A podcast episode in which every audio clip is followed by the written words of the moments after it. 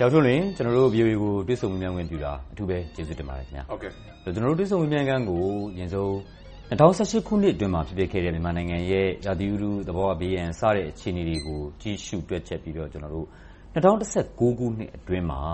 မြန်မာနိုင်ငံမှာကြုံလာရနိုင်ခြေရှိတဲ့ရာသီဥတုနဲ့သဘာဝဘေးအန္တရာယ်အခြေအနေလေးတွေကိုအရင်ဆုံးရှင်းပြပေးပါ။ပထမဦးဆုံးသေချာပေါက်ပြောနိုင်တာကတော့၂၀၁၈လောလောဆယ်မှာ မြန်မာနိုင်ငံအရှေ့ဘက်ပစိဖိတ်သမုဒ္ဒရာထဲမှာအယ်လ်နီညိုရာသီဥတုဖြစ်နေတယ်။ဖြစ်နေတုန်းမှာနောက်ထပ်ဘယ်လောက်ကြာအောင်ဖြစ်အုံးမလဲဆိုတာကိုလည်း Model တွေနဲ့တွက်တယ်။ဒီလကိုကျနော်တို့ကကမ္ဘာ့မြောက်ဘက်ခြမ်းရဲ့ဆောင်းရာသီလို့ခေါ်တယ်။အဲဒီကာလအတွင်းမှာအယ်လ်နီညိုကရာနှုန်းပြည့်ဖြစ်ဖို့အလားအလာသေချာမှု90%ရှိတယ်။ ရာခိုင်နှုန်းရှိတယ်။အဲဒီတော့၂၀၁၉ကအယ်လ်နီညိုနဲ့စမယ်ဆိုတဲ့သဘော။တခါဖေဖေါ်ဝါရီပြီးတဲ့နောက်မှာမတ်၊ဧပြီဒါကိုတော့ဥရောပရာသီဥတုနဲ့ပြောရင်တော့နွေဦးရာသီ Spring ဒီ Spring မှာလည်းအယ်လ်နီညိုကဆက်ဖြစ်အုံးမယ်။ဒါပေမဲ့သေချာမှုကတော့ရာခိုင်နှုန်းရှိတယ်လို့ပြောတယ်။ဒါကြောင့်၂၀၁၉ရဲ့ပထမနှစ်တဝက်ဟာ အယ်လ်နီညိုရာသီဥတုရှိလိမ့်မယ်။ကျနော်ဖြတ်မေးလိုက်ပါရစေ။အယ်လ်နီညိုရာသီဥတုကြောင့်ဘာတွေများသတိထားသင့်ပါလဲ။အယ်လ်နီညိုဆိုတဲ့ရာသီဥတုကတော်တော်လေးအရေးပါပါတယ်။ပထမတချက်ကဘာလဲဆိုတော့အယ်လ်နီညိုဆိုတာဘာလဲပေါ့။အယ်လ်နီညိုဆိုတာပစိဖိတ်သမုဒ္ဒရာမှာအရှေ့ဘက်မှာတောင်အမေရိကတိုက်ရှိတယ်။တောင်အမေရိကတိုက်မှာ West Coast အနောက်ကမ်းရိုးတန်းမှာ အထူးသဖြင့်နိုင်ငံနှစ်နိုင်ငံ Ecuador, Peru ဆိုတဲ့နိုင်ငံနှစ်နိုင်ငံ။အဲဒီနိုင်ငံနှစ်နိုင်ငံမှာဒီလိုခရစ်စမတ်ကာလမှာရေနွေးစီးကြောင်းတွေ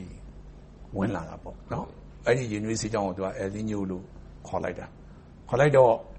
ကျနော်ဘာကို highlight လုပ်ချင်တာလဲဆိုတော့အယ်လ်နီညိုရဲ့ပင်မဒေသဟာကျနော်တို့နဲ့ဝေးတယ်ဆိုတာကိုဒါလေးကိုပြောချင်တယ်။နောက်နံပတ်နှစ်က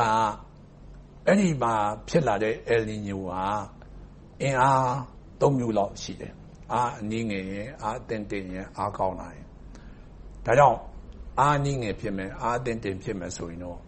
အယ်လ်နီညိုရဲ့ထိခိုက်မှုကကျနော်တို့လိုအာရှတိုက်ကြတော့နည်းတယ်။ဝေးလွန်တဲ့အခါကြတော့။အဲဒီတော့ကျနော်တို့ကိုထိခိုက်မှုများဖို့အတွက်အယ်လ်နီညိုသည်အားကောင်းဖို့လိုတယ်။ဒါပေမဲ့လက်ရှိဖြစ်နေတဲ့အယ်လ်နီညိုကအားမကောင်းဘူး။ဒါလေးတခုသိဖို့လိုပါတယ်။ အယ်လ်နီညိုအားကောင်းရင်ဘာတွေဖြစ်လဲဆိုတဲ့သာဓကတော့မကြာသေးဘူး။၂၀၁၅-၁၆တုန်းကဖြစ်သွားတယ်။အဲဒီတုန်းကဖြစ်တဲ့အယ်လ်နီညိုက El Niño of the Century လို့ခေါ်လို့ရတယ်။ရာစုနှစ်မှာအားအကောင်းဆုံး။အဲဒီတော့ဖြစ်တာတွေအများကြီး။အာရှ-ပစိဖိတ်ဒေသနိုင်ငံပေါင်းနိုင်ငံထိခိုက်မှုရှိတဲ့အထဲမှာမြန်မာနိုင်ငံလည်းပါတယ်။ပထမတော့အပူချိန်တွေစံချိန်တင်အောင်တင်တာပေါ့။အပူဒဏ်ခံရတာပေါ့။ဒုတိယကတော့ရေရှားတာပေါ့။ တတိယကတော့မီးလောင်တာပေါ့။စတုတ္ထကတော့စိုက်ပျိုးရေးလုပ်ငန်းမှာအထွက်လျော့တာပေါ့။နောက်တခုကတော့နံပတ်ငါးကတော့ရောဂါ။ကူးစက်ရောဂါဇီကာဗိုင်းရပ်စ်တို့ပေါ်လာတယ်။နံပတ်ခြောက်ကတော့ပင်လယ်ရေတွေပူးလာတော့ပုဇွန်၊ငါးတို့ရေထွက်ပစ္စည်းတွေရှားပါးသွားတယ်။ Food Security ဒီခုလောက်ကတော့ဗမာပြည်မှာဖြစ်တတ်တယ်။ဒါကြောင့်သူကိုအလွန်ဂရုစိုက်ရတယ်။ကံအားလျော်စွာ ဒီနှစ်အယ်လ်နီညိုကမှန်တယ်။သို့သော် အားသိပ်မကောင်းတဲ့အတွက် သူ့ Impact က နည်းနည်းလေးတော့ လျော့တယ်။လျော့တယ်ဆိုပေမယ့်လဲမရှိဘူးတော့ ပြောလို့မရဘူး။ပထမဦးဆုံးကအယ်လ်နီညိုဖြစ်သွားတဲ့အတွက်ကြောင့် ပစိဖိတ်သမုဒ္ဒရာ အနောက်ဘက်မှာ ပုံမှန်အားဖြင့် မုန်တိုင်းဖြစ်တဲ့နေရာက အရှေ့ဘက်ကို ရွေ့သွားတယ်။အခုနောက်ပိုင်း နိုဝင်ဘာ၊ဒီဇင်ဘာ နှစ်လလုံးမှာ ဖြစ်သမျှ မုန်တိုင်းတွေက ပစိဖိတ်အရှေ့ဘက်ကနေ စဖြစ်တယ်။ပစိဖိတ်အရှေ့ဘက်က စဖြစ်တော့ ပစိဖိတ်သမုဒ္ဒရာကြီးက တအားကျယ်တော့ အဲဒီဖြစ်တဲ့မုန်တိုင်းတွေကတော့ထုံးစံအတိုင်းအနောက်ဘက်ကိုရွေ့တာပေါ့။ဒါပေမဲ့အာရှတိုက်မရောက်ခင်မှာအားပျော့ပြီးတော့ကွေ့သွားတဲ့အခါကြတော့ခါတိုင်းနှစ်တွေနဲ့စာရင်အာရှတိုက်ကနိုဝင်ဘာ၊ဒီဇင်ဘာလတွေမှာတိုင်ဖွန်းမုန်တိုင်းလာတာဘာဖြစ်သွားလဲဆိုတော့နည်းသွားတယ်။နည်းသွားတဲ့အတွက်အလယ်ပိုင်းဒေသတွေမှာမိုးနည်းသွားတယ်။ဒီလိုဟာမျိုးတွေတော့ကျနော်တို့တွေ့ရတယ်။အဲဒီတော့အယ်လ်နီညိုက တကယ်ဖြစ်မယ်ဆိုရင်တော့တကယ်ထိခိုက်တယ်။သို့သော်ကံအားလျော်စွာစောစောကပြောတဲ့အတိုင်းအားကြီးတယ်တော့မကောင်းဘူး။ဒါကကျနော်တို့ကံကောင်းတာပေါ့။ရဲ့ရာသီဥတုမှာအဲဒါနဲ့ကွင်းဆက်ပါသွားမှာကနွေ-နွေကသေချာပေါက်ပူမယ်။ပထမတချက်က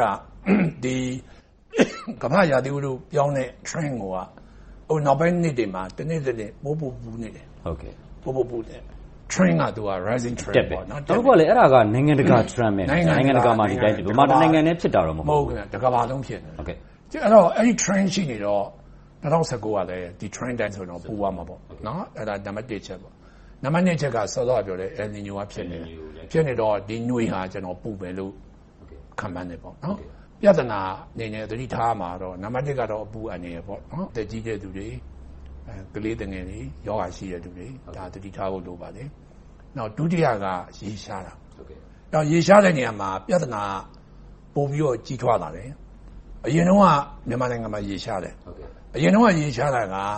အချိန်အပြည့်ဆိုရင်ຫນွေရာသီမှာဖြစ်တယ်ဖြစ်တယ်အခုနောက်ပိုင်းကျတော့ဆောင်းရာသီတော့တည်းစပြီးရေရှားတယ်ဟုတ်ကဲ့မြဝကျုံပေါ်တို့ရှမ်းပြည်နယ်တို့ကပါလာတယ်ဆိုတော့ဒီကောင်ပို့ပြီးတော့ကြီးထွားကျပြန့်လာတယ်နော်နောက်တခါတော့မီးလောင်တာပေါ့ဟုတ်ကဲ့ဟိုတောမီလောင်တာရှိတယ်မြို့ပေါ်မှာမီလောင်တာရှိတယ်ပေါ့နော်တတိထားဖို့လိုပါလိမ့်မယ်ဟုတ်ကဲ့ နောက်ရာသီဥတုအနေနဲ့က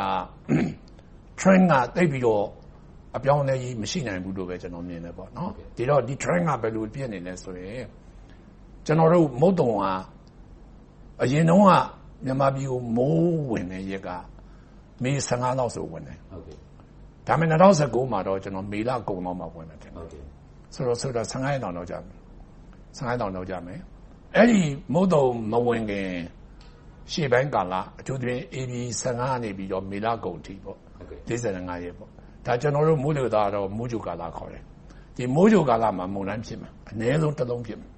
အဲ့ဒီတော့မြန်မာပြည်သို့မဟုတ်ဘင်္ဂလားဒေ့ရှ်ကိုဝင်မယ်အဲ့တော့ခက်တာကဘင်္ဂလားဒေ့ရှ်ကိုဝင်ရင်လည်းမြန်မာပြည်ကမလွတ်မလွတ်ဘူးမလွတ်ဘူးအဖျားတော့ခံပါအဖျားတော့ခံပါမြန်မာပြည်ဝင်တော့မပြောနဲ့ပေါ့နော်ဆိုတော့အဲ့ဒီမုန်တိုင်းအနေနဲ့ကျွန်တော်မိုးကြိုမှာစိုးရိမ်ပါတယ်နော်အနည်းဆုံးတစ်လုံးတော့ကျွန်တော်စိုးရိမ်နေ နောက်အဲ့ဒါပြီးတဲ့နောက်မှာမိုးရာသီရောက်သွားမယ်မုတ်တုံဝင်လာမယ်ဒါပေမဲ့မုတ်တုံဝင်တာနောက်ကျမယ်အထူးသဖြင့်တနင်္လာရီနဲ့မြင်းဝါကျုံပေါ်မှာနောက်ကျမယ်ဒီအလဲပိုင်းတို့မြောက်ပိုင်းတို့ကြတော့သူကသူပုံမှန်တော့ဖြစ်သွားမယ်ပေါ့နော်မေလအကုန်တော့ဆိုရင်တော့တနိုင်ငံလုံးတော့ဝင်သွားမှာပေါ့လေသို့တော့ဟိုဘက်ပြည်ကနောက်ကျအဲ့ဒီဝင်တဲ့အချိန်ကစပြီးတော့မုတ်တုံပြန်ထွက်တဲ့အချိန်ပေါ့မုတ်တုံပြန်ထွက်တဲ့နေရာမှာလည်းပြောစရာရှိတာလေအရင်တော့ကမုတ်တုံထွက်ရင်အောက်တိုဘာ10လောက်မှထွက်တယ်ဟုတ်ကဲ့ အခုကစက်တင်ဘာ15လောက်ဆိုထွက်ပြီထွက်ပြီဆိုတော့စောတာပေါ့သူကနော်အဲ့တော့ကျွန်တော်တို့ရဲ့မိုးရာသီကဝင်တာနောက်ကျမယ်နောက်ကျမယ်ထွက်တာစောမယ်ရေနေမယ်ဒါဆိုမိုးရာသီကတူသွားတာပေါ့နော်တူသွားမယ်အဲ့ဒါလေးကိုလက်သမားတွေကတတိပြဖို့လိုတယ်အဲ့တော့လက်သမားတွေအနေနဲ့ကမိုးရာသီတက်ပတ်သက်ပြီးတော့မြန်မာနိုင်ငံမှာအခုကျွန်တော်ပြောတဲ့ trend ဟာမြန်မာပြည်မှာဖြစ်နေတာအနည်းဆုံးနှစ်အစိတ်30ရှိနေဟုတ်ကဲ့အစိတ်30ရှိနေပြီဆိုရင်တော့ မိုးလေဝသစံနဲ့ပြောရရင်တော့ဒါ normal တောင်ဖြစ်နေပြီနော် normal တောင်ဖြစ်နေပြီဆိုတော့စံအသစ်ဖြစ်သွားပြီပေါ့စံအသစ်ဖြစ်သွားပြီဆိုတော့တစ်နှစ်မှတစ်ခါတလေဖြစ်တာမဟုတ်တော့ဘူးအများတန်းလူပုံမှန်လို့ရှောက်ဖြစ်နေတော့ဒါစိုက်ပျိုးရေးလုပ်တဲ့တောင်လူတဲ့သမားစိုက်ပျိုးရေးလုပ်ငန်းကိုဦးစီးဦးရွက်လုပ်တဲ့တာဝန်ရှိတဲ့သူကဒါတိကိုတည်ရတော့မယ်တည်ရတော့မယ်ဟုတ်ကဲ့။ဘာကြောင့်လဲဆိုတော့ကျွန်တော်တို့ကရာသီဥတုပြောင်းလဲခြင်းနဲ့ပတ်သက်ပြီးတော့လူတွေကဆောင်ရွက်ရမယ့်ကိစ္စတွေတည်းမှာအရေးကြီးဆုံးနံပါတ်1ကပါလဲဆိုရင် ပြောင်းလဲနေတဲ့ရာသီဥတုနဲ့လက်ရောညီထွေလုပ်နိုင်ရမယ်ဆို adaptation ဆိုတာရှိတယ်။အဲကျွန်တော် adapt လုပ်ဖို့လိုတယ်။အဲတော့ adapt လုပ်တဲ့ဆိုတာပြောင်းတာကိုသိမှအဲ့တော့အခုကျွန်တော်တို့မနစ်ကဆိုဘာတွေ့ရလဲဆိုရင်ပြီးခဲ့တဲ့နေ့တည်းကဒီမေလာထဲမှာပေါ့ကျွန်တော်စီကို message တွေပေါ့နော်ဒီခေတ်ကတော့ Facebook ခေတ်ဆိုတော့ဖုန်းတို့တယ်လီဖုန်းနဲ့လာရင်လာမယ်မလာရင် message ရလာမယ်ဘာမေးလဲဆိုတော့ဥပမာစကိုင်းတိုင်းအောက်ပိုင်းပေါ့ပလဲမြို့နယ်ကဆရာကြီးခင်ဗျားပေါ့နော်ကျွန်တော်တို့ စပားတွေစိုက်ထားတာအခုဆိုရင်တက်လာကြော်ပြီပေါ့မုံမြော်ဘူးပေါ့အာစပားတွေပြိုးပင်နေပေါ့စပားဆိုပြိုးပေါ့ပြိုးပင်နေပုတ်ကုန်ပြီပုံကတော့ဒါနောက်ထပ်ပြိုးတွေထပ်ထောင်တယ်အဲ့ဒုတိယထောင်တဲ့ပြိုးလဲ10ရက်ကျော်ပြီမိုးမရောမိုးမရောရွာမလဲအဲဒီလိုမေးခွန်းပေါ့အဲ့ဒါဘာကြောင့်ဖြစ်နေတာလဲဆိုတော့ကျွန်တော်တို့ရဲ့မီယိုးဖလားတမယိုးကြလေယာဝင်တဲ့အချိန်ကမေလာဆိုင်ရင်ဝင်ပြီကျွန်တော်တို့ ဒါအရင်တော့စံနေသွားတာတော့အဲမေလာဆိုင်ရင်ဝင်တော့မေလာအလေလောက်ကြမိုးကရွာတော့အဆင်ပြေတာပေါ့အခုကျတော့မိုးကမေလာလည်းမဟုတ်မေလာကုံမဝင်တော့မေလာဇန်းလောက်မှာကျွန်တော်တို့ကပြိုးထောင်မယ်ဘာလုပ်မယ်ဆိုရင်အဲ့ဒါကောင်ကတလလောက်ကရေငတ်တော့ အရင်ငတ်တဲ့ခါကျတော့ဒီကောင်တွေပြေးတာပေါ့အဲ့တော့ကျွန်တော်ကဒါတွေကဘာလုပ်ရလိုက်ပြီးတော့လက်ရုံးကြီးလက်ရုံးကြီးပြောင်းတော့ကျွန်တော်အိမ်မှာဆရာကစောပိုင်းတော့ဆရာကိုပြည့်စုံငံမစကြည့်မှာကျွန်တော်ညှိတော့ဆရာနဲ့တိုက်ပင်ထားတဲ့ထဲကမိကုန်းလေးတစ်ခုပါဆိုမြန်မာလူထုဒီဒီလိုမိုးလေဝသပြောင်းလဲမှုဆိုင်ရာသတင်းအချက်လက်အတိတုတကအခုချိန်မှာနည်းနေသေးတယ်လို့ပြောမယ်ဆိုရလားဆရာကျွန်တော်တော့အဲ့လိုမထင်တော့ဘူးဟုတ်ကဲ့အပြောင်းအလဲတစ်ခုကတော့တေချာပေါက်ရှိတယ်ကျွန်တော်ရဲ့အတွေ့အကြုံရပေါ့ကျွန်တော်ဌာနမှာ လောက်တာ45နှစ်ပေါ့အခုပြင်မှာ10နှစ်လောက်ရှိတော့ဒီလောကထဲမှာကျွန်တော်ရောက်နေတာပြောရင်55နှစ်လောက်ရှိပြီပေါ့နော်မိုးလေဝသအလုပ်တွေတဘာဝပြေးရတဲ့အလုပ်တွေရာသီဥတုပြောင်းလဲခြင်းအလုပ်တွေ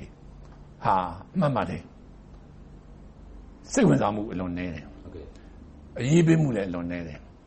ဒါပေမဲ့အဲ့ဒါနာခဲ့မတိုင်ပြီနာခဲ့ပြီးရဲ့နောက်ပိုင်းမှာတော့ပြည်သူလူထုရဲ့ public awareness ကတအားတက်လာတယ် education ကတော့ပါမလာသေးဘူးပေါ့နော် awareness ကတအားတက်လာတယ်အဲ့တက်လာတဲ့အချိန်မှာကျွန်တော်တို့ကဒါကိုအခွင့်အရေးယူတင်တာပေါ့လေနော်အမှန်တော့အင်းနဲ့အားနဲ့ဒီချိန်မှာလူတို့ကို education တွေပေးမယ်ဆိုရင်တော့ဒီချိန်အကောင်းဆုံးချိန်ပေါ့ဟုတ်ကဲ့ပါဆရာပြည့်ပြည့်စုံစုံရှင်းပြပေးတာကျေးဇူးအများကြီးတင်ပါတယ်ဆရာဆရာလည်းပဲကျမ်းမာစွာနဲ့လူလူအတွက်အင်မတန်အရေးကြီးတဲ့မိုးလေဝသဆိုင်ရာပညာရပ်တွေ သတိတွေဆက်ပြီးတော့ ဖြန့်ဖြူးပေးနိုင်ပါစေလို့ ကျနော်တို့ VOA က ဆန္ဒပြုပါတယ်။နှစ်သစ်မှာ ဆရာလည်း ဒီထက်ကျန်းမာပါစေ၊ဒီထက်ပျော်ရွှင်ပါစေ။ဒီအတိုင်းပါပဲ။ကျနော် တကူးတက လာရောက်မေးမြန်းတဲ့အတွက် နံပတ်တစ် ကျေးဇူးတင်ပါတယ်။နံပတ်နှစ်မှာလည်း နှစ်သစ်မှာ နိုင်ငံအကျိုး၊လူမျိုးအကျိုး အများကြီးလုပ်နိုင်ပါတယ်။